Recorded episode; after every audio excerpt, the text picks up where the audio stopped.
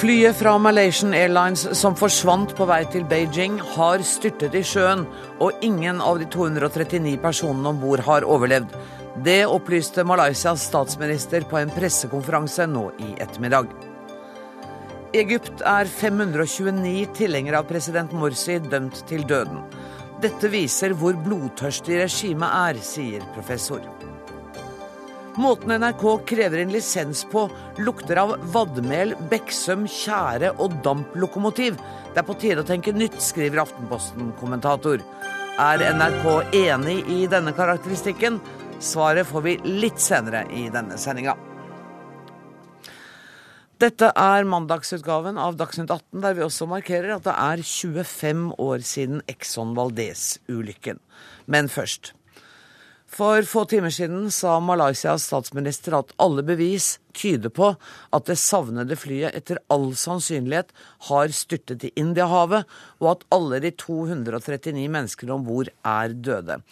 NRKs Asia-korrespondent Anders Magnus, hva er det som er grunnen til at myndighetene konkluderer med at flyet har styrtet?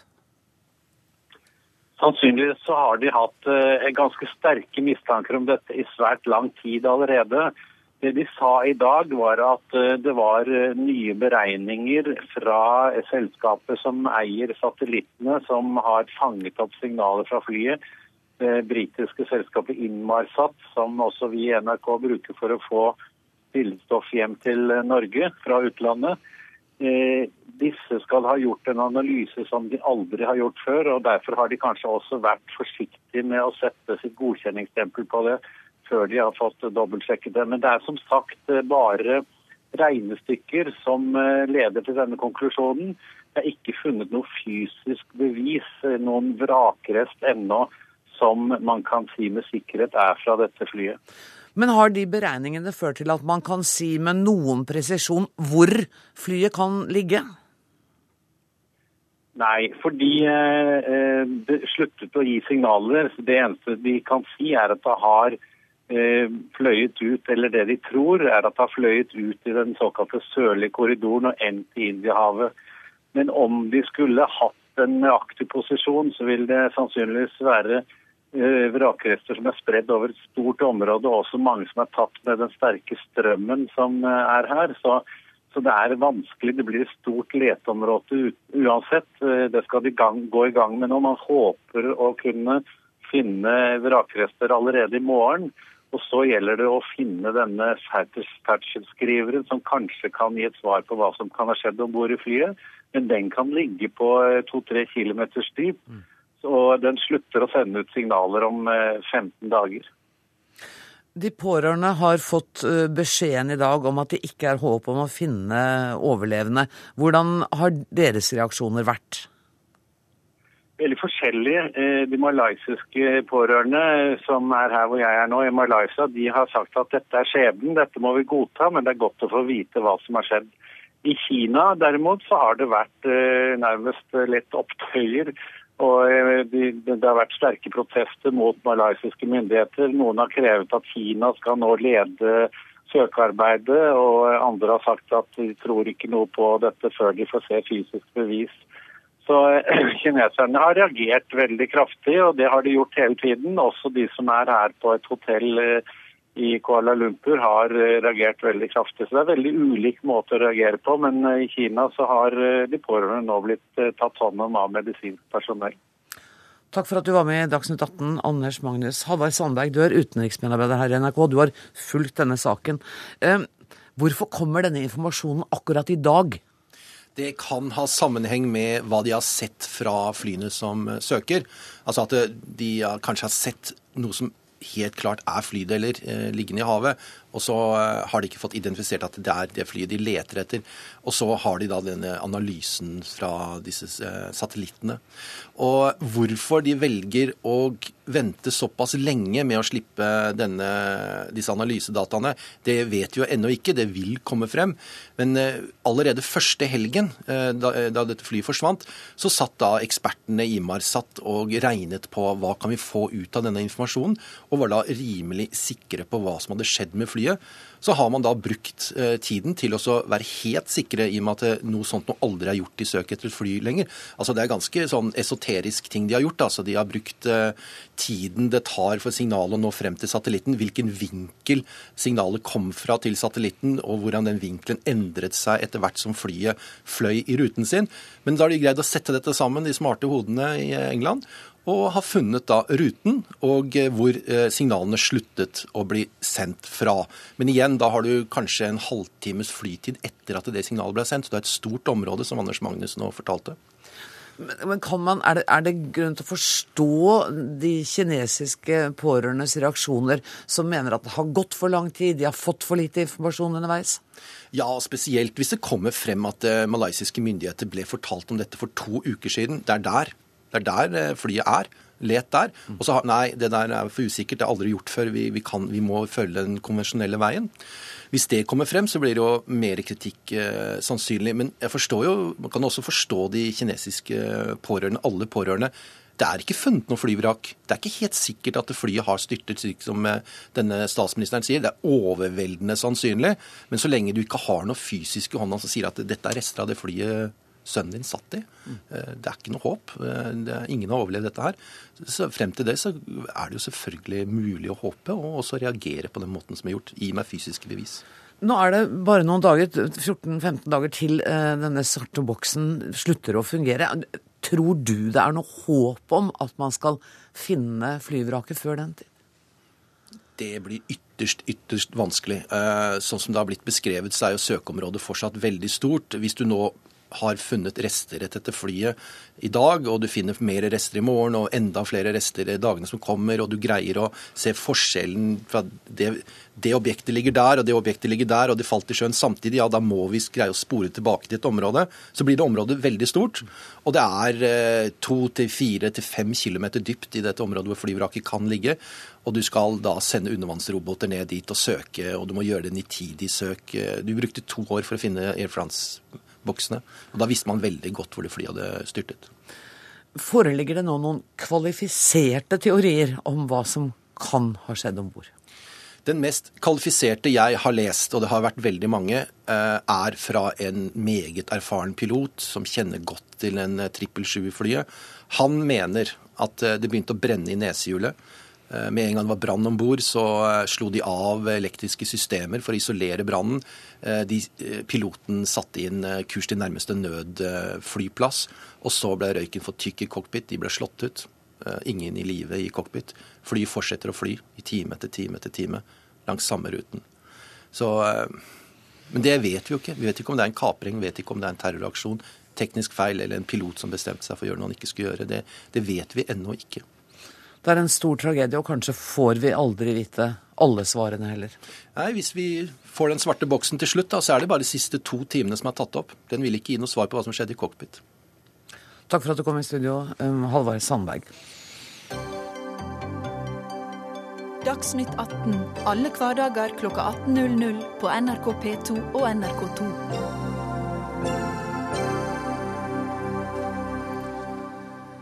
En egyptisk domstol har dømt 529 medlemmer av Det muslimske brorskap til døden. Rettssaken er den mest omfattende mot medlemmer av Det muslimske brorskap siden militærkuppet i juli i fjor. Utenrikskorrespondent i NRK Sigurd Falkenberg Mikkelsen, hva er det de er dømt for? De er dømt for uh, å ha deltatt i opptøyer i byen uh, Minya, uh, noen timers kjøring sør for Kairo. Angrep på politistasjoner, ødeleggelse av offentlig eiendom, også drapet på en politioffiser. Det var voldsomme opptøyer i Minya i etterkant av at myndighetene og sikkerhetspolitiet gikk inn på Rabba-plassen her i Kairo og drepte kanskje rundt 1000 demonstranter demonstranter fra det muslimske brorskapet. Hvilke reaksjoner har disse dommene skapt i Egypt? Det er litt uh, forskjellig. Det er klart at uh, De pårørende er uh, meget oppbrakte. Det har vært ganske voldsomme scener utenfor rettslokalene i Minja. Men vi som journalister slipper ikke inn i rettslokalene, så vi vet ikke akkurat hva som er foregått der inne. Ellers er det fra menneskerettighetsmiljøet og sånne ting kommet også reaksjoner. Men blant folk flest så har jeg ennå ikke sett noen, noen voldsomt sterke reaksjoner. og Det kan ha sammenheng med at vi er inne inne i en veldig sterk konflikt i Egypt mellom eh, det muslimske brorskapet, som stemples som terrorister fra myndighetshold, eh, og den egyptiske eh, staten, som gjør at konflikten ses litt annerledes her enn den ses fra utenom verden. Professor ved Universitetet i Oslo, Bjørn Olav Utvik. Dommene kan ses på som en del av en større kampanje, har du sagt?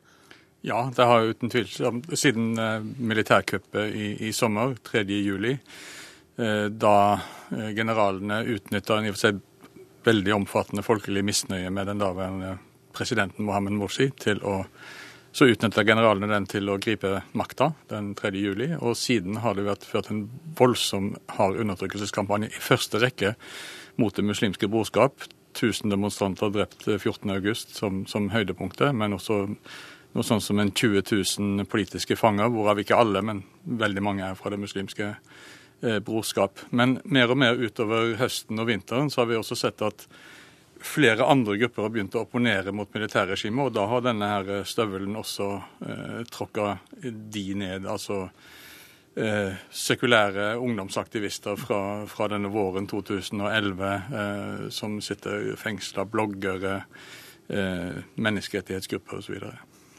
Jeg registrerer at du nøler ikke med å kalle det et militærkupp, det som skjedde. Nei, det var det. Men det er klart at man kunne diskutert ut ifra hvilke følger det fikk videre. Altså, På samme måten som det for så vidt var et militærkupp også da Mubarak falt, mm. fordi det var militæret som grep makta. Det var et militærkupp som åpna opp for en demokratisk prosess. Det kunne dette for så vidt ha vært også. De la fram et veikart og sa at de skulle restarte den demokratiske prosessen. Men eh, man kunne ha sine mistanker da det skjedde, og alt som har skjedd siden, viser at deres hensikt var ikke det, men tvert imot å gjenskape et system der militæret har, eh, har eh, bortimot all makt. 529 mennesker er dømt i dag. 700 stilles for retten i morgen, også med trusselen om en dødsdom. Kommer dette til å eskalere? Du snakker om 20 000 politiske fanger. Mm. Snakker vi liksom nesten utrenskninger her? Ja, vi, vi, vi, gjør jo det det, altså det har allerede eskalert, det er allerede på et veldig høyt nivå. Det er vanskelig, nesten vanskelig å se hvordan det skal gå videre. Noe vil jo avhenge Nå, nå er jo dette en, en, dom i en lokal eh, domstol, og den kan ankes. Og mye tyder på, det får vi i hvert fall håpe, at, eh, at, dette, kan bli, eh, altså, at dette kan bli omgjort i, i, betydelig grad. Samtidig så er det jo et signal. Eh, altså, dels kan det jo være loka, en lokal dommer ute av kontroll som vil vise hvor flink han er overfor generalene. Men det kan jo også være at, at, at, man på denne måten, og det ville være i tråd med det som har skjedd siden i sommer, at man sender signaler om at vi vil gå så langt som det trengs for å hindre at det vokser fram noe reell opposisjon. Ina Tind, du er seniorrådgiver i Amnesty Norge. Eh, på hvilken måte er dere engasjert i det som skjer nå? Amnesty er jo på, i Egypt eh, kontinuerlig og følger utviklingen tett. Eh, og gjør eh, dokumentasjon på menneskerettighetsbrudd kontinuerlig.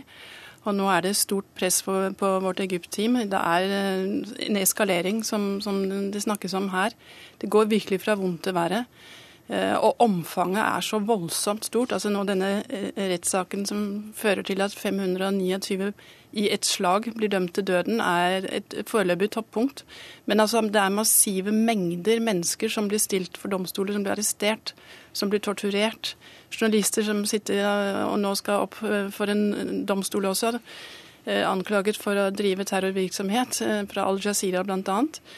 NGO-er som får raider i sine lokaler. Altså, det er det er et omfang nå av den undertrykkelsen som de militære styret bedriver, som må føre til mer vold og større konflikt, eh, eller skarpere konflikter i Egypt.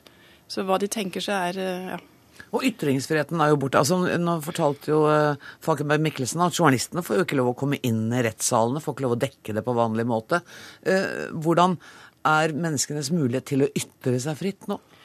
Nei, det har vært en definitiv innstramning. og Det kom nye eh, lover på slutten av fjoråret eh, som både begrenser ytringsfriheten generelt, men også forsamlingsfriheten. At da, Du kan ikke lenger stå på gaten og, og, demonstrere uten å ha fått tillatelse fra politiet. Politiet har alle fullmakter til å nekte at det skjer. Så da var det mange eh, sekulære eh, kritikere av regimet som ble fengslet eh, da eksempel, ja, det, har vært fengslinger i hele veien, men, men da var det noen Og det, det er et bitte, bitte lille lyspunkt jeg kan trekke frem, er at det var to som i går var det vel, som ble frikjent, som er to veldig sånn øh, kjente øh, kritikere, sekulære kritikere i Egypt som ble frikjent i retten. Men ellers så er det da massevis av studenter annet også, som er blitt dømt for å ha protestert på universitetene til 17 års fengsel og sånn. Altså det er de bruker absolutt alle midler nå for nettopp som du sier, å sende et signal om at man, eh, man, man tyr til hva som helst for å kneble kritikk. Sigurd Falkenberg Mikkelsen, situasjonen, det å jobbe som journalist virker det jo som blir bare vanskeligere og vanskeligere? Ja, det har vært eh, en veldig, altså alltid vært krevende her eh, siden oppstanden mot Mubarak, og også før det for den saks skyld. Eh, men de siste, de siste par månedene har vært ekstremt tøffe for journalistene. Det gjelder i stor grad egyptiske journalister, men også utenlandske journalister. Fordi det er mye skremselspropaganda og slike ting i media, sånn at det er et trykk fra gateplan. Samtidig som da myndighetene har strammet inn og på en måte kriminalisert kontakt med Det muslimske brorskapet, eh, som vi ser gjennom da, denne Al Jazeera-rettssaken. Eh, men det er ikke lenger noen tydelige røde linjer, og det er vanskelig å vite eh, hvordan man skal trå her. Og det tok jo også svært lang tid før vi fikk vår presseakkreditering. Jeg har akkurat fått den nå nylig. Hmm. Innatin, burde norske myndigheter være mer aktive med å fordømme det som skjer? Ja, det er opplagt. Jeg tenker at alle regjeringer rundt omkring i verden har et ansvar for nå å si fra veldig tydelig til egyptiske myndigheter at den røde linjen definitivt er tråkket over, eh, og at man ikke aksepterer den type rettsprosesser som absolutt ikke har noen rettssikkerhetsgarantier over seg, eh, og at sånne massedommer hvor man dømmer folk til døden, eh, lovens strengeste straff, da må man ha prosesser som er individuelle, hvor alle får prøvet sin sak. Så det signalet må sendes umiddelbart. Eh, I morgen som sagt, er det flere, 700 flere som skal for retten. USA gir veldig eh, mye militær støtte til, til Egypt. Eh, Norge må bidra til at USA skifter kurs i forhold til Egypt. Så ja, omverdenen må definitivt reagere nå, og det er på høy tid. Utvik, du sa at du ser nesten ikke at det er mulig nå at ikke dette kommer til å avle mer vold. Eh, hvordan kommer eh, Det muslimske brorskap til å reagere hvis, hvis det nå skjer at ytterligere 700 mennesker blir dømt til døden? Det muslimske brorskap har hatt en linje hele tida, og det er å mobilisere til demonstrasjoner mot uh, kuppet. Eh, sist i februar var det registrert eh, sånn, sånn 1100 protestdemonstrasjoner i, i Egypt. Eh, det nye nå er at det ikke bare er de som protesterer mot kuppet, men at det også er økende antall streiker for, altså for bedre økonomiske kår. Det er protester mot uh, undertrykkelse av ytringsfriheten. Det er ulike grupper som, som, demonstrerer. Problemet så langt er at denne dype splittelsen mellom brorskapet og de mer sekulære kreftene gjør at uh, man ikke får en samla front mot, mot, militæret. Derfor er ikke presset så stort. Men man kan bare se for seg at disse demonstrasjonene vil øke. Det er en svær bølge av studentprotester for øyeblikket. Faren er at i ytterkanten av brorskapet og, hos mer eh, ytterliggående islamske grupper, så trekker man jo en del den slutningen at, eh, at, det er bare tull å gå den der fredelige veien via demokrati og sånn, for vi blir bare fengsla og slått ned likevel. Det er bare våpen som teller. Og vi har sett jo tendenser til eh, økende grad av voldsaksjoner også. Og, og, med de økende demonstrasjonene og streikene, så virker det jo som om det er den, den militære logikk er at det skal man slå ned på. Mm. Sånn at konfrontasjonene, selv om de er i flere deler, vil bli sterkere. Det vil nok det. Og der, der er det viktig, selv om det, ingen har noen oppskrift på hvordan man skal si, løse dette, men det er viktig som Inatina er inne på at utenverden i hvert fall markerer veldig tydelig at, at Egypt og i og for seg for lengst har kryssa grensene for hva som er akseptabelt. Egypt har noen støttespillere som de ikke kommer til å miste, nemlig Saudi-Arabia og De forente emirater. Så penger kommer de til å ha nok av en stund framover. Men det vil i hvert fall være en støtte til, til, de som opponerer og prøver å jobbe for menneskerettigheter og demokrati, dersom eh, i hvert fall Norge og andre vestlige land satte ned foten. Er Morsi helt uten kontakter der han sitter i fengsel, eller spiller han også et politisk spill fra sin celle? Nei, altså Det vi ikke vet, det vet vi jo ikke. Men eh, han, alt vi vet, er at han sitter helt isolert. Eh, og får i hvert fall veldig lite eh, informasjon. Men det er klart brorskap, nå er det de av brorskapet som har kommet seg ut, sitter bl.a. I, i eksil i Istanbul, i Doha, altså i Qatar. Og, og andre steder, og, og kommuniserer naturligvis med den aktive opposisjonen eh, inne. Men jeg tror Morsi, Morsi er nå først og fremst et symbol for den opposisjonen. Han er ikke en sånn person som verken før eller nå skaper spesiell begeistring, han. Men han var den valgte presidenten som ble avsatt, og derfor så bæres hans bilde i demonstrasjoner. Inatin, du sa at det er eh, sterkt belastende og mye arbeid for, de, eh, for Amnesty som er i Egypt nå. Eh, vurderer dere eller bidrar dere med å kunne styrke mannskapet, sånn at de kan ha bedre muligheter til å arbeide? Ja, Vi gjør så godt vi kan med å allokere eh, ressurser, men, men, eh, som vi alle sammen vet, så er situasjonen i egentlig hele Midtøsten veldig veldig kritisk. Så f.eks. våre etterforskere i Syria strir også med sitt. Eh, I Saudi-Arabia er det også definitivt en veldig negativ utvikling. Det samme ser vi i Bahrain. Og sånn kan jeg egentlig fortsette med ganske mange land. Så er hele vårt Midtøsten og Nord-Afrika Eh, avdeling i Amnesty er veldig hardt eh, presset og har vært det siden 2011, definitivt. Og det ser dessverre ikke ut til at eh, det kommer til å lysne med det første, i hvert fall ikke i Egypt. Tusen takk, professor Bjørn Ørlov Utvik og Ina Tien, seniorrådgiver i Amnesty Norge.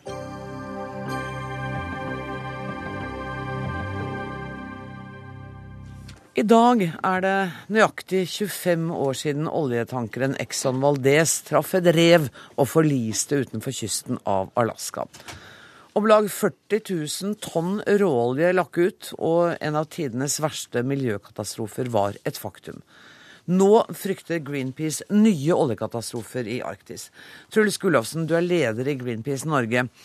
Først dra meg litt gjennom konsekvensene av Exxon eh, Valdez-katastrofen. Hvor omfattende var det? Det var, det var, gigantisk. Det var jo et stort tankskip, nokså stort tankskip, som gikk på grunn i et veldig sårbart arktisk kystmiljø. Eh, været var akkurat sånn som det ikke skulle være. Det var ikke altfor mye bølger, men eh, noe, så det var vanskelig å rydde. Men likevel, olja lå i tjukke lag. I, i 2100 km kystlinje ble forurensa. Det er som, eh, som forsker for Havforskningsinstituttet påpekte, fra Bergen til Brønnøysund. Halve norskekysten mer eller mindre asfaltert. Enorme konsekvenser for fugl, for eh, sjøoter, for sild, for spekkhoggere, for det aller meste som fantes i det her øde arktiske miljøet. Og opprydningen var en enorm jobb. Exxon brukte to milliarder dollar i, i, i massevis av år. Masse, flere tusen mennesker involvert for å forsøke å rydde, og de klarte å få opp mindre enn 10% av olja. Hva er grunnen til det, at det var så umulig å rydde der? Eh, det er, For det første så var beredskapen veldig dårlig.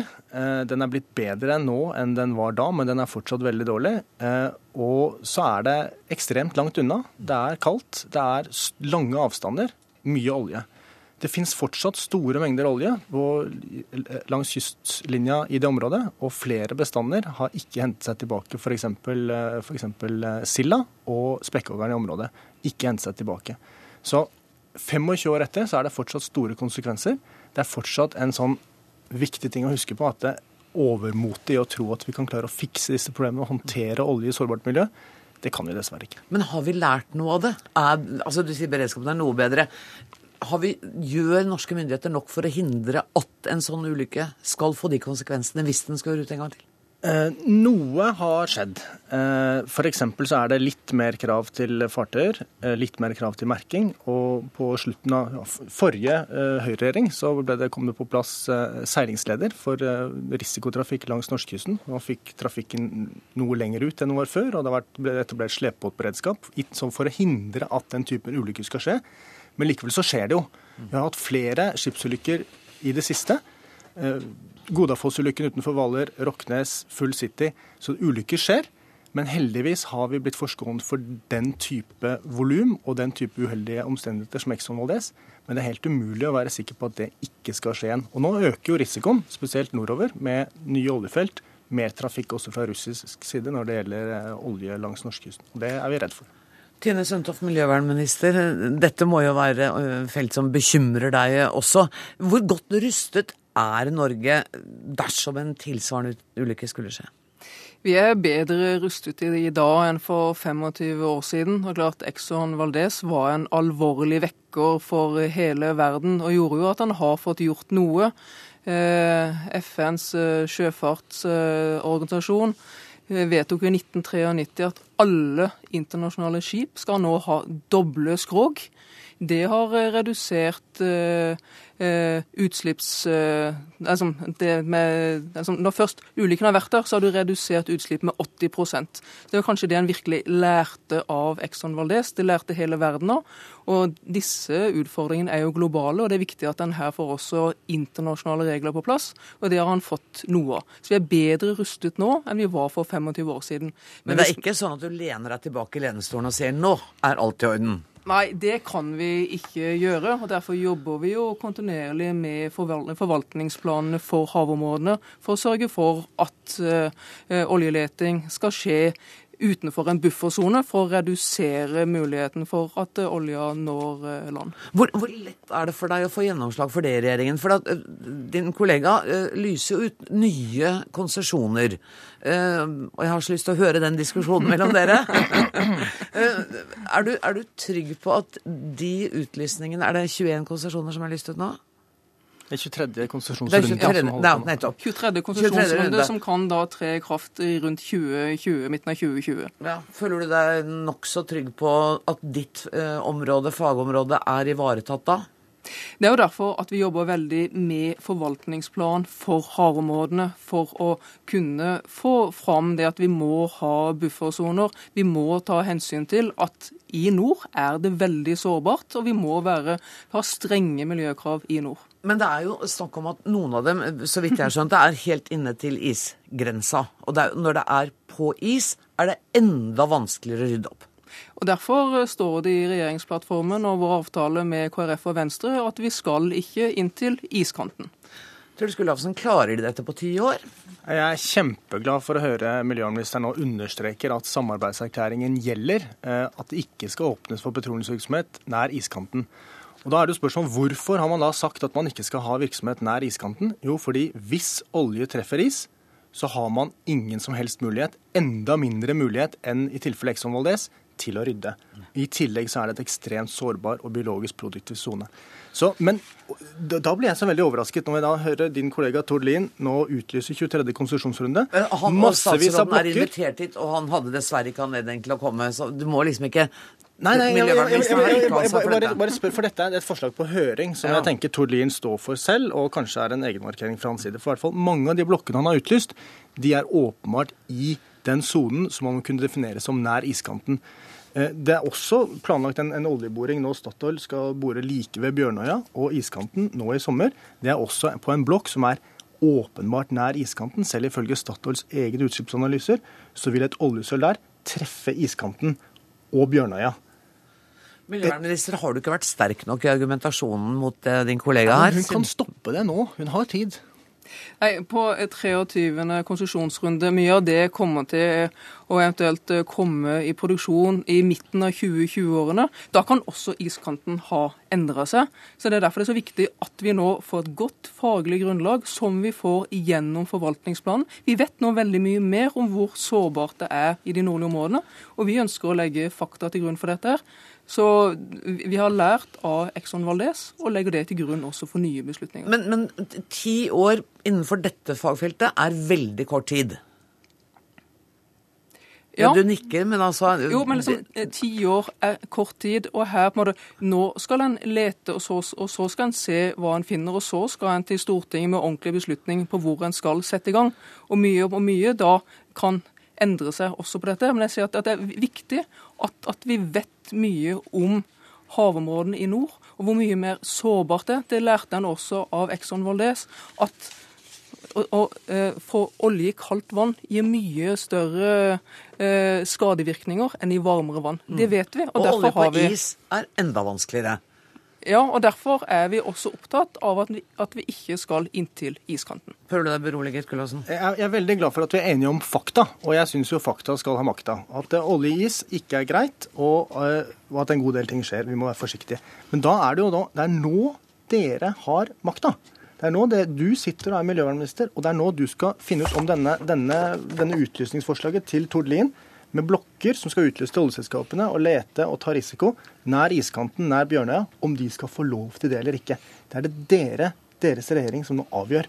Ikke noen andre om ti år som må sitte med problemet. Det er dere som kan si den risikoen, den tar vi ikke. Oljeselskaper, dere må lete etter olje et annet sted, eller selvfølgelig helst eh, finne på noe mer miljøvennlig å drive med enn olje. Men den muligheten, den prosessen den går nå. Og vi kan ikke tildele lisenser og så etterpå om ti år si at nei, får ikke lov å bygge ut fordi at eh, det er noen andre som eh, Eller nå har vi tenkt mer. Vi er jo enige om fakta, og da må vi bruke det når dere har makta. Ja, og fakta er at vi forholder oss til definisjonen i forvaltningsplanen og i regjeringsplattformen. Og så sier jeg, men vi vet også at selve iskanten er på vei nordover. Mm. Ja, sånn at du satser på at uh, smelting, naturlig smelting skal gjøre at den blir litt borte, liksom? Nei, overhodet ikke. Det er derfor det er viktig å, å, bruke fakta for å definere dette. Men jeg sier at mye av det vi leter etter nå, vil ikke settes i gang utbygging heller før om ti år. Før det har smelta såpass at det nesten ikke er noe iskant? Nei, eh, vi er opptatt av at forvaltningsplanen skal definere iskanten. Og vi skal ikke bore inn til iskanten. Nettopp. Ja. Men, dere, men, dere, regner med at iskanten kommer til å flytte seg nordover? Erfaringen erfaringene viser at fra forrige forvaltningsplan og til ja. nå, så har iskanten gått nordover. Og da er kanskje problemet løst? Jeg trodde jo virkelig målet for klimapolitikken var at vi skulle klare å reversere de endringene i Arktis. At vi skal få et normalt klima. Ikke at vi skal benytte enhver anledning for å finne mer olje og kanskje operere litt sikrere i et fjernt område og, og droppe de fuglene på Bjørnøya bare fordi at isen kanskje trekker seg tilbake pga. det vi gjør. Og dessuten er det jo sånn, Selv om det faktisk blir klimaendringer og vi mister sommerisen i Arktis, så vil det jo være mange vintre hvor isen strekker seg langt ned. Skal du da be dem stoppe å bore? Dette er, det er useriøst å tildele blokker nå, basert på en framtidig antagelse om at iskanten kommer til å være smeltet bort. Men Det er derfor vi er opptatt av å ha gode buffersoner fra land. Det er ja. det vi jobber med i forvaltningsplanen. Det er derfor vi jobber med seilingsleder for å få det unna, eh, unna, land. Nettopp for å lære av de enorme skadevirkningene vi hadde med Exxon Valdez. Den lærdommen tar vi med oss. Og er opptatt av å ha god forvaltning av nordområdene, som er veldig sårbare for oss. Det høres ut som dere har et felles mål, men at det kanskje er litt uenighet om hvilken vei man skal gå. Tusen takk for at dere kom, Truls Gullhavsen og Tine Sundtoft.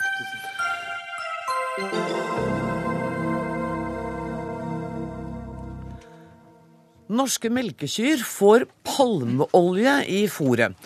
Årsaken er at Tine har økt fettprosenten i melka etter den såkalte smørkrisen.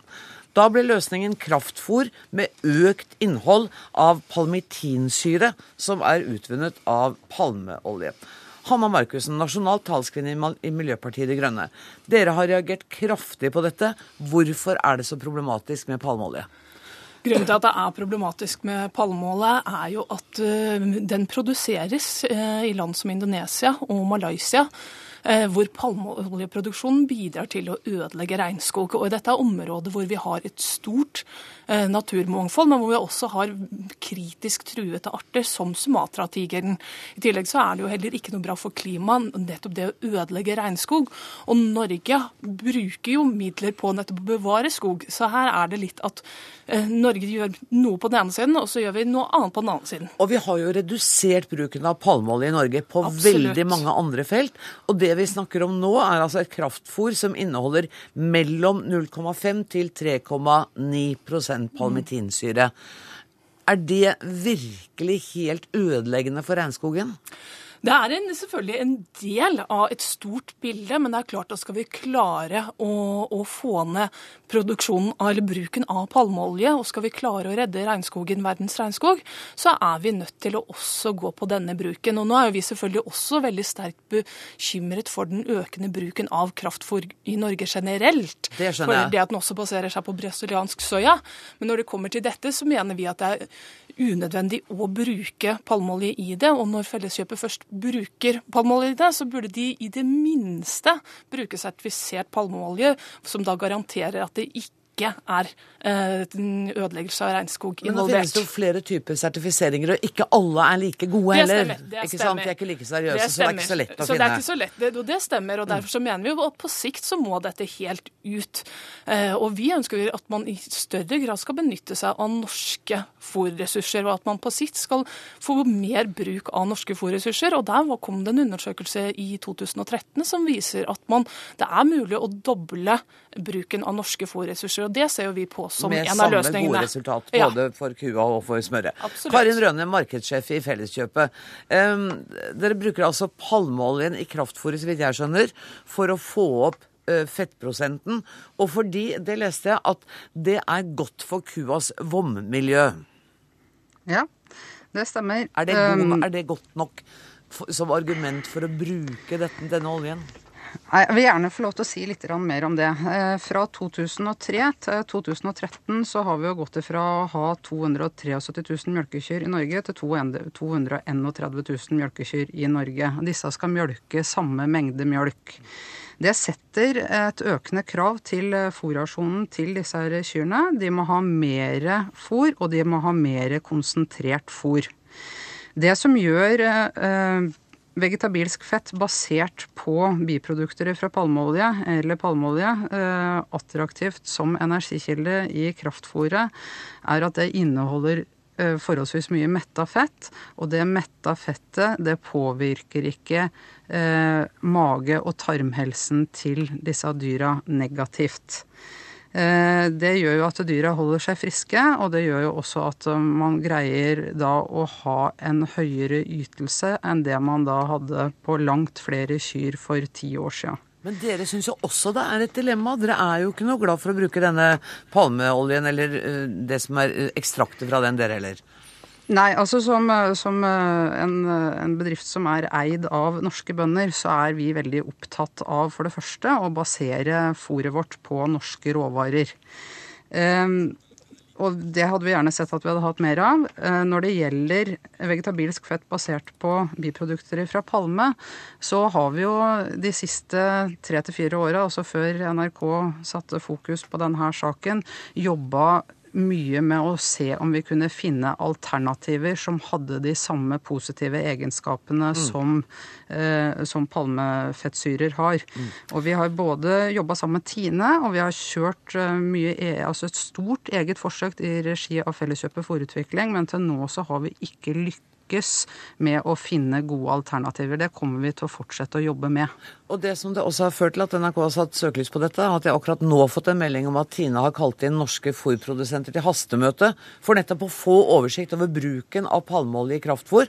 og for å fremskynde arbeidet med å finne alternativer. Det opplyser selskapets rådgivningsdirektør Jonny Ødegaard til Stavanger Aftenblad akkurat nå. Og eier, Nils T. Bjørke. Hvordan reagerer du på eh, palmeoljebruken? Nei, Fra vår side så ønsker vi å bruke mest mulig norsk fôr. Vi vil ha eh, kortreist og lokal mat, og det vil vi òg ha til dyra våre. Det vil Tine, det vil Felleskjøpet, det vil bøndene, det vil miljøorganisasjonene. Hvor er det det butter hen? Det det butter på, er hvordan vi skal klare å gjøre dette, klare å lage et, et, et fôr som totalt sett er bra for dyret. For hun må ha en viss sammensetning skal hun trives og produsere melk. Og det henger i hop med eh, hva slags utvikling vi har, eh, som var nevnt før her. Ytelsen øker ganske mye. Men hvorfor må den det? Kan vi ikke ha flere dyr, da? Jo, men eh, Poenget er jo at det har vært det som var lønnsomt for bonden. Og med den pressa økonomien som bøndene har hatt, så har vi gjort det. Og vi har nok ikke heller vært flinke nok til å utvikle grasproduksjonen vår. Utnytte ressursene vi har på bruket. Jeg tror vi må tenke litt nytt på at eh, produksjon i melk må basert på de ressursene vi har på bruket. Og vi må styrke norsk kornproduksjon. Den har gått ned, den må gå opp, sånn at vi kan produsere vårt eget korn, vårt eget proteinråvare til, til kraftfôr. Det er det vårt ønske, og derfor har vi vært så tydelige på, både i landbruksmeldingen og nå senere med jordbruksoppgjøret, at det må et mål øke eh, norsk matproduksjon på norske ressurser. For det er målet vårt. Men samtidig må vi bruke litt tid på dette, sånn at vi rekker å få utvikla et fôr som det norske kyret kan tåle. For det er viktig at vi kan levere toppkvalitetsprodukt. Men vårt mål på sikt er å få vekk palmeolje, få mer øye på norske ressurser. Men når du sier bruke litt tid, hva snakker vi om da? Ja, som jeg går ut fra at du ikke mener ei uke eller to? Nei, eh, skal vi være realister, så, så, må dette utprøves. Og vi må vite hva vi gjør. Vi kan ikke la alle norske melkekyr ved prøvekaniner på sjøen. Men det er viktig at vi er tydelige på at vi vil gjøre det. Dette skal skje, og det skal skje så fort som råd er. Men da må det henge i hop. Skal vi klare en eh, mer bærekraftig utvikling i Norge, så må det òg lønne seg å bruke de arealene i Norge. Og vi må sikre et grensevern som gjør at bøndene kan få produsere. Og det er klart, en liten melkebonde Ta Aurland i Sogn og Fjordane, som er oppe i ei bratt lider. Han er avhengig av å ha noe kraftfôr for å klare å få nok fôr til å kunne ha så mange dyr at han mm. klarer å leve det. Så vi passer på at ikke dette blir en måte å gjøre på noe, sånn at de små brukene som utnytter utmarksressursene, utnytter grasressursene ute i distriktet, må slutte. Så vi må gi oss litt tid, så tror jeg det skal være å finne alternativ. Og da tror jeg dette ha en bærekraftig produksjon. Vi har selvfølgelig invitert landbruksministeren til å komme i studio. Det hadde hun ikke anledning til i dag. Men Hanna Markussen, du, du, er vel glad for å høre det du hører? Altså, jeg er veldig glad for å høre at, eh, at, det egentlig er ganske stor enighet om at dette ikke er bra. Mm. Uh, og jeg tror også det er mye som vi f.eks. er enig med Bondelaget i. For vår del så er det jo også viktig. Vi ønsker uh, en norsk matproduksjon og opprettholde den og gjøre det lønnsomt å produsere mat på norske ressurser. Uh, vi mener at vi er nødt til å øke prisen på kraft for noe, nettopp for å gjøre bruk av norske grasressurser mer lønnsomt. Men der, hørte vi, at de har kanskje ikke vært flinke nok til å utvikle den norske gressproduksjonen? Nei, og det, Vi mener jo at, at, det ville stimulert til nettopp at man bruker og utvikler mer bruk av norske ressurser. Eh, og Der tror vi kan komme til enighet på mye, men der er mer problemet med den politikken som dagens regjering står for. For de står ikke for en regjering som, nei, eller for en politikk som i større grad vil basere seg på norske ressurser. Og, og det er jo det bærekraftige i lengden. regjeringen ikke representert akkurat i denne diskusjonen, så jeg tror ikke vi skal uh, ta den kritikken for langt. Bjørke? Ja, nei, jeg er enig i det, at det må lønne seg å produsere fôr i Norge. Men det er viktig at vi klarer å gjøre det i en takt der vi får hente det ut i produkt, sånn at bøndene får råd å bruke arealet sitt. Og Da kan ikke de drive altfor store areal, og de må få tid å være bønder, sånn at de kan være gode agronomer og produsere bedre fôr. Det var siste ord i denne runden. Tusen takk til eh, Kari Rønne, Hanne Markussen og Nils T. Bjørke. Hør Dagsnytt 18 når du vil. Radio NRK Radio.nrk.no.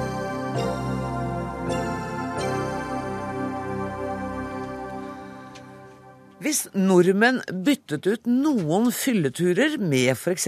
ecstasy eller psykedelika, så vil det være positivt for folkehelsen. Det skriver forsker og psykolog Pål Ørjan Johansen, som mener at norsk ruspolitikk tar flere liv enn de narkotiske stoffene. Pål Ørjan Johansen, først må jeg spørre deg, mener du virkelig det?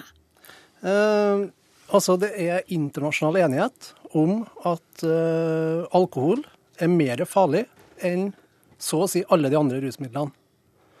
Eh, og forflytte noe av den eh, rusbruken over til de andre mindre skadelige eh, rusmidlene kan eh, ha en positiv effekt på folkehelsa, ja. I artikkelen sier du også at du vet ikke om du skal le eller gråte over Mina Gerhardsen, som hevder at dagens ruspolitikk faktisk virker. Er det så latterlig å hevde at dagens ruspolitikk virker? Ja. Eh, både på et nasjonalt og et internasjonalt plan så er det flere og flere fagfolk som sier at eh, dagens ruspolitikk dreper og dreper mange. Eh, FN sin special reporter på helse han sier også i 2010 at det er flere som dør av dagens ruspolitikk enn av dagens forbudspolitikk og kriminalisering enn av rusmidler i seg selv. Det destabiliserer store deler av, av flere regioner i verden. Eh, Norge ligger på toppen i dødsfall, både på heroin og også på bruk av falske ecstasy-tabletter. Da blir det uredelig, og det blir å bruke selektiv statistikk og si at, at og på en måte trumferende si at norske ungdommer bruker lite cannabis sammenlignet med andre land. Når cannabis er det minst skadelige, altså blant de mer, mindre skadelige rusmidlene vi har. Men, men, tror du at dødstallene for ecstasy og heroin kommer til å gå ned hvis man legaliserer det? da? Det er så å si ingen dødsfall fra MDMA. Som er? MDMA er ecstasy, altså det er virkestoffet i ecstasy. Mm. Men det derimot så er det veldig mange dødsfall i Norge fra falske MDMA-tabletter pga. at produksjon og omsetning er kriminell. Altså er, er, er overlatt til eh, organisert kriminalitet. Sånn at hvis vi hadde fått det ekte stoffet, så ville du synes at jeg heller burde gå og ta meg en tablett enn et glass rødvin? Eh, når det gjelder i forhold til, eh, i forhold til risiko for å bli avhengig, risiko for å dø, risiko for å gjøre impulsive handlinger, vold og aggresjon, Eh, så, så, vil det være mindre eh, farlig å bruke MDMA enn alkohol. Eh, Men, også når det gjelder fare for hjerneskade. Og indre organer, leverskader, altså i hele tatt. Mina Gerhardsen, du er generalsekretær i Aktisk, som er rusfeltets samarbeidsorgan. hvis alt dette er riktig, så burde man jo forby alkoholsalg og legalisere det andre? Ja, nå leser nok vi litt uh, ulike forskningsrapporter og forstår dem på litt ulik vis. Eh, men uh, det jeg har lyst til å si er at målet for norsk narkotikapolitikk er jo at færrest mulig prøver, færrest mulig bruker. Og vi ser at norsk ungdom både prøver og bruker mindre enn i alle de landene jeg tror jeg sammenligner oss med. Altså vi ligger lavest i Europa. Det betyr jo at vi gjør noe som er riktig. Jeg tror, eller Aktis, som jeg representerer, tror at forbudet er en av de tingene som, er, som hjelper for det, sammen med forebygging. Og det å se for seg at man skal legalisere, sånn som sidemannen min foreslår, betyr jo ikke at du får eh, narkotika istedenfor alkohol, du får det som et tillegg. Vi mener at rusmisbruk og rusbruk i Norge er så høyt, det er målet å få det ned. Det er store samfunnskostnader, det er store individuelle. Og det å si at fordi eh, et giftig stoff er eh, mindre eller mer farlig enn et annet giftig stoff, skal vi tillate det. Det gir ikke mening. Hvis det legaliseres, vil det bli mer rusbruk. Men, eh, men, er du enig i er de forskningsrapportene som du har lest, støtter det han sier om at uh, f.eks. ecstasy er mindre helseskadelig for den fysiske helsa og mindre vanedannende enn alkohol? Alkohol har, store, stort skadepotensial, mm. og det er en grunn til at vi har veldig mange tiltak for å prøve å redusere bruken av det. Så er alkohol tillatt i Norge fordi vi har en kulturhistorie med det. Så det er veldig vanskelig å sammenligne de stoffene. Men det at det finnes et giftstoff til, eller et annet stoff som er skadelig, det er jo ikke noe argument for å legalisere det også. Vi har store nok problemer som vi har med alkohol. Eh, og da tenke at det blir bedre hvis eh, vi får enda flere stoffer. Jeg oppfatter eh, Johnsen dit hen at vi skal legalisere alt, altså hele spekteret av narkotika. Jeg kan ikke se at det vil bedre russituasjonen i Norge, at vi får mindre rusmisbruk av den. Er det det du vil? Legalisere alt? Nei. Uh, vårt poeng var at uh, vårt Men først uh, å si at, at, målet skal være at færrest mulig bruker. det er, målet bør være at det skal være minst mulig skade. det er de færreste som er for å innføre en totalforbudspolitikk. en nullvisjonstankegang, som Gerhardsen er talsmann for innenfor alkoholfeltet. Og det er en grunn til det. Og det er at vi har forsøkt med forbudspolitikk innenfor alkohol og det virka ikke. Det førte til et kriminelt marked, en oppblåsning av et kriminelt marked, eh, og det er det vi har. Det er ikke sånn at vi ikke har rusmidler tilgjengelig i dag. Altså, Det er åpne russcener i Norge. Altså, Vi har salg av cannabis. Eh, vi har eh, salg av heroin. Det, er ikke sånn at vi, vi, vi, vi Det her er forutsigbart. Vi praktiserer en kriminell omsetning. 50% av Eh, altså Inntektene til organisert kriminalitet internasjonalt kommer fra omsetning, narkotikaomsetning. Jeg mener du at Aktis er med, altså uten å ville det selvfølgelig, med på å la disse organiserte eh, kriminelle tjene penger fordi vi har en forbudslinje? Ja, hun bidrar, altså, altså den, den, politikken bidrar til å destabilisere eh, store deler av verden. Det har ikke vist seg. altså siden, Nå har vi ca. 100 år har vi hatt en internasjonal kontrollpolitikk med kriminalisering. altså Fra, to, fra, fra 1909. altså så, så, I 2009 så hadde vi en 100 år eh, dokumentasjon på et sosialt eksperiment med en forbudspolitikk. Mm. Eh, der er det ikke dokumentert at, at en kriminalisering fører til redusert bruk. Mina Gerhardsen, det er på en måte deres ansvar også at eh, de store narkotikakartellene lever, da? Nå hadde vi jo mafia og internasjonal kriminalitet før det ble noen store narkotikamarkeder, og vi ser jo at de lever av veldig mye annet også enn narkotika. Narkotika er viktig, men italienske mafiaen lever av søppel. Meksikanske har noe jernmalm som viktig. Først og fremst er det en struktur. Eh, så det, hvis man skal bekjempe internasjonal kriminalitet, og det mener jeg er veldig viktig at man gjør, så er det å gå på kriminaliteten, ikke å fjerne forbudene. Da endrer vi bare statistikken, ikke problemet. Så det å skulle eh, føre til mer tilgjengelig narkotika i Norge Norge for å ta kriminelle internasjonale bander, det blir en litt merkelig øvelse. Og så vil jeg tilbake til det du snakka om i stad, at du vil ikke ha ned bruken, du vil ha ned skadeomfanget. Eh, det er en veldig nær sammenheng mellom bruk og skade. Det ser vi på alkohol. at Økt bruk gir økt rusmisbruk. Det går utover enkeltpersonen som bruker, men det går også utover tredjepart. Vi har et ansvar også for den eh, måten rusbruk påvirker andre. Og det er ingenting som tilsier at legalisering av narkotika vil få ned rusbruken på noe vis. Det vil komme oppå det vi allerede har. Det betyr økt rusbruk, økt rusmisbruk og dermed mer skade. Jeg tror bare vi må slå fast at det ligger ikke an til at det blir noen legalisering av narkotika den aller nærmeste framtid, Pål Ørjan Johansen? Eh, nå er det sånn at Eh, Obama har eh, nylig uttalt at eh, en regulering av rusmidler er et helt legitimt tema. Mm. Det er, I FN så skal nå, skal nå se på internasjonal, revidere internasjonal narkotikapolitikk. Og det er flere og flere som tar til orde for at den ruspolitikken med totalforbud som vi har hatt, er en humanitær katastrofe og har feila. Den har ikke ikke hjulpet på å holde forbruket ned. Den forbudslinja som Gerhardsen, har, eh, som, som Gerhardsen er talsmann for, den fungerer ikke på å redusere det, uh, tilgjengelighet. Det, det, det poenget har du gjort tidligere. Jeg tror likevel jeg fastslår at det er, ikke noe, det er ikke aktuelt denne uka å legalisere all narkotika i Norge. Tusen takk for at dere kom. Takk til Mina Gerhardsen, takk til Pål Ørjan Johansen.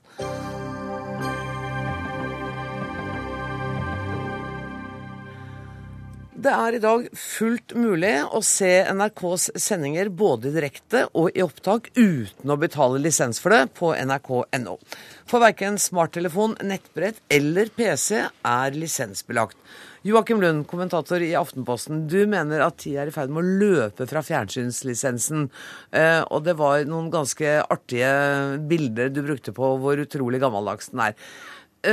Eh, hva er det største problemet med NRK-lisensen sånn som den er i dag? Altså, eh, Det er ikke noe stort problem med den egentlig i dag. Eh, det er stor oppslutning om den. Ni av ti husstander betaler den, og Antallet husstander som betaler den, øker jo. Har økt de siste årene. Så i dag er det på en måte greit. Men problemet er at det pga. den teknologiske utviklingen så kan det ikke vare. Eh, det er problemet. Når jeg, når jeg sitter på trikken på vei hjem fra jobb, så kan jeg se denne sendingen på mobilen min. Eh, når jeg setter meg foran peisen på fredag kveld med kona, så kan jeg se gullrekka på iPaden. Eh, og barna kan se barne-TV på PC-en før vi står opp. Ingen av de er lisensbelagt. Ikke sant? Så teknologisk så er NRK allerede i ferd med å bli lisensfritt. Mm. Så med andre ord så er lisensordningen sånn som den er, eh, ikke godt egnet for de neste årene. Så den må endres på et eller annet vis. For det, kanskje om noen år så er det ingen som har TV-apparater sånn som vi kjenner dem i stua. Og uh, Tommy Hansen, du er kommunikasjonsdirektør her i NRK. Hvorfor er lisensen, hvorfor er lisensen fortsatt knytta til apparatet, og ikke til husstand? Ja, det nesten må du spørre Stortinget om, for det er Stortinget som bestemmer det. Men, eh, men eh, Jakob Lund har selvfølgelig rett i at eh, vi har i mange år sagt at eh, nå skifter medievanene, men nå skifter medievanene. Eh, sånn at eh, stadig mer av konsumet skjer på andre steder enn den tradisjonelle TV-en. Selv om den fortsatt er fryktelig mye større enn noe annet. Og så, Til eksempelet ditt så er jo det et problem i det øyeblikket du aldri ser på dette TV-apparatet, det store TV-apparatet i stua. for det er først da du fjerner grunnlaget for lisensen som er knytta til en fjernsynsmottaker. 97% av norske hjem har fortsatt en tradisjonell TV.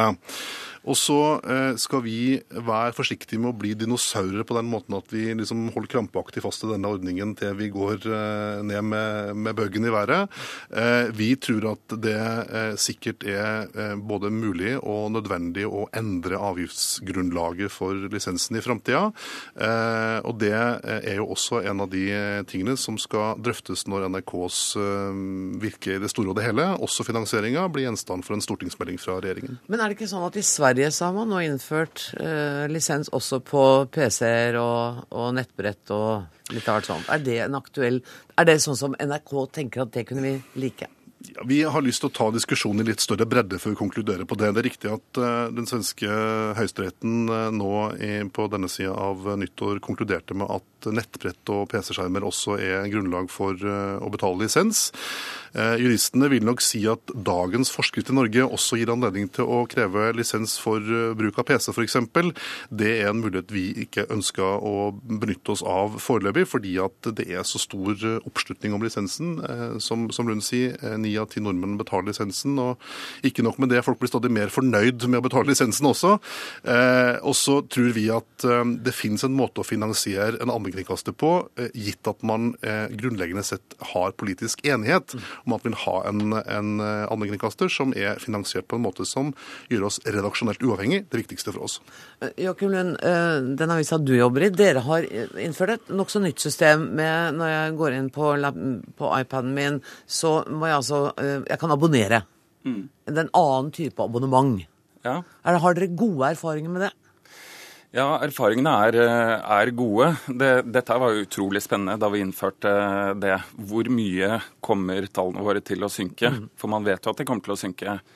Men eh, når NRK skal, skal eh, altså etablere et nytt system for å kreve inn eh, lisenspenger, så håper jeg for guds skyld man ikke lander på den svenske modellen. For det er å, å prøve å tvinge ny teknologi inn i en 50 år gammel form det går ikke. Og eh, I tillegg så kommer det nå en hel bølge med eh, ny teknologi som alle har både internettoppkobling og en liten skjerm. Så i prinsippet, da, hvis man fortsetter på den stien, så kan du risikere om eh, et par år å måtte betale lisens for kjøleskapet ditt og brødristeren og armbåndsuret og alt mulig. Vi som jobber her syns det høres helt naturlig ut. Ja, jeg, det, syns sikkert det høres kjempefint ut. Men, eh, men eh, tilbake til det du spurte om. Ja. Eh, altså, mitt forslag for NRK ville jo være akkurat det. Et system for innlogging. Altså hvor, for å bruke NRKs digitale plattformer. At man logger seg på med et abonnement som knyttes opp mot lisensen du allerede betaler. Og Da vil man egentlig løse to problemer på én gang. Det ene er det vi snakker om nå. Eh, hvor altså, man eh, skaper et fortsatt insentiv for å betale lisens. Eh, det andre er at man retter på, på den konkurransevridningen som oppstår når NRK lager en gratis nettavis og alle andre medier må ta betalt for sine tjenester. Og Der er vel det som også er irritasjonen for mange aviser, at man syns at NRK leverer for mye gratis.